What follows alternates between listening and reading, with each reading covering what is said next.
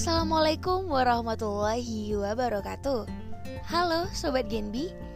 Kembali lagi di podcast Genbi Utu. Gimana nih teman-teman kabarnya? Baik-baik aja kan?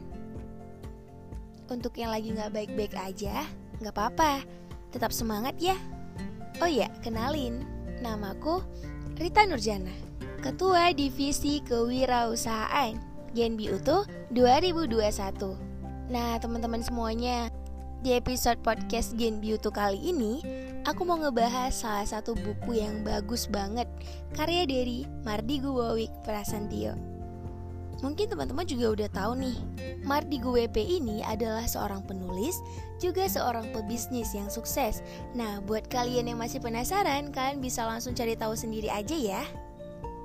Buku yang mau aku bahas kali ini yaitu Pengusaha Gak Ada Matinya Ya, aku nggak ngebahas semua isi di dalam buku ini, tapi ada satu pembahasan yang menarik nih yang kalian harus tahu, terkhusus buat para-para pebisnis yang sedang merintis usahanya. Pembahasan kali ini tentang memegang kendali pemasaran. Mardigo Wawik Prasantio menulis buku ini berdasarkan kesehariannya menjalankan bisnis atau jurus yang dipergunakannya dalam menjalankan bisnis, bagaimana memenangkan hati dan mempengaruhi orang lain dalam bisnis. Hmm, kira-kira apa ya? Ya, teknis sederhana itu bernama trench. Penasaran kan teman-teman, apa sih trench itu? Trench adalah kondisi di mana seseorang berada dalam kondisi paling fokus.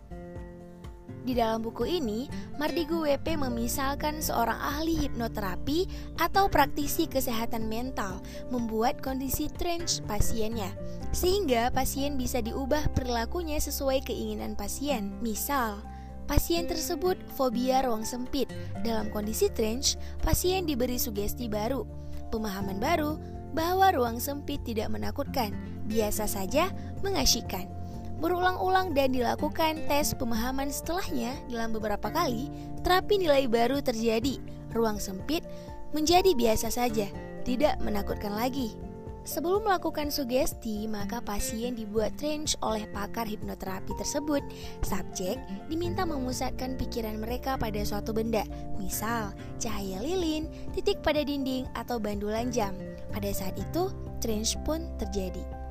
Mardigu WP berkata, Pemahaman pada cara kerja otak manusia, cara mereka berpikir inilah yang menjadi dasar bisnis marketing trench. Bagaimana si pebisnis dan pemasar dapat menciptakan kesan dan pesan yang terfokus? Marketing trench adalah pemusatan perhatian pada produk dan jasa Anda. Anda mengarahkan perhatian mereka pada kebutuhan mereka. Tapi memang sulit dilakukan karena sifat dasar manusia selalu terbawa, yang mana banyak pebisnis terpusat pada perhatian sendiri, yaitu menghasilkan penjualan. Jika seorang pembeli terfokus pada penjualan, apakah mereka akan membeli? Belum tentu, tapi bagaimana caranya kita bisa membuat orang lain merasa membutuhkan produk yang kita jual?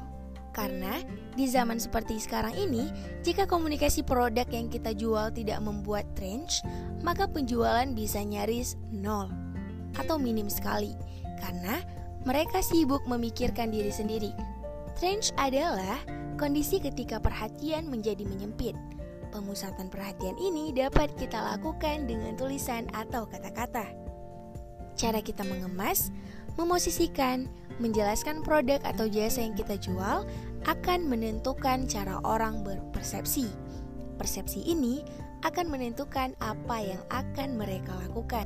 Nah, semoga teman-teman udah paham nih. Jadi, pada saat kalian ingin menjual suatu produk atau jasa, berikan kesan terbaik dari segi tulisan, kemasan, dan yang terpenting, bagaimana cara kalian mempromosikan produk yang kalian jual. Promosikan dengan cara yang sebaik mungkin sehingga orang yang melihat dapat mengalami cringe dan merasa membutuhkan produk atau jasa yang kalian jual. Tetap semangat! Orang hebat tidak dihasilkan dari kemudahan, kesenangan, dan kenyamanan. Mereka dibentuk melalui kesulitan, tantangan, dan air mata. Sekian, semoga bermanfaat. Terima kasih, sampai jumpa di episode selanjutnya. thank you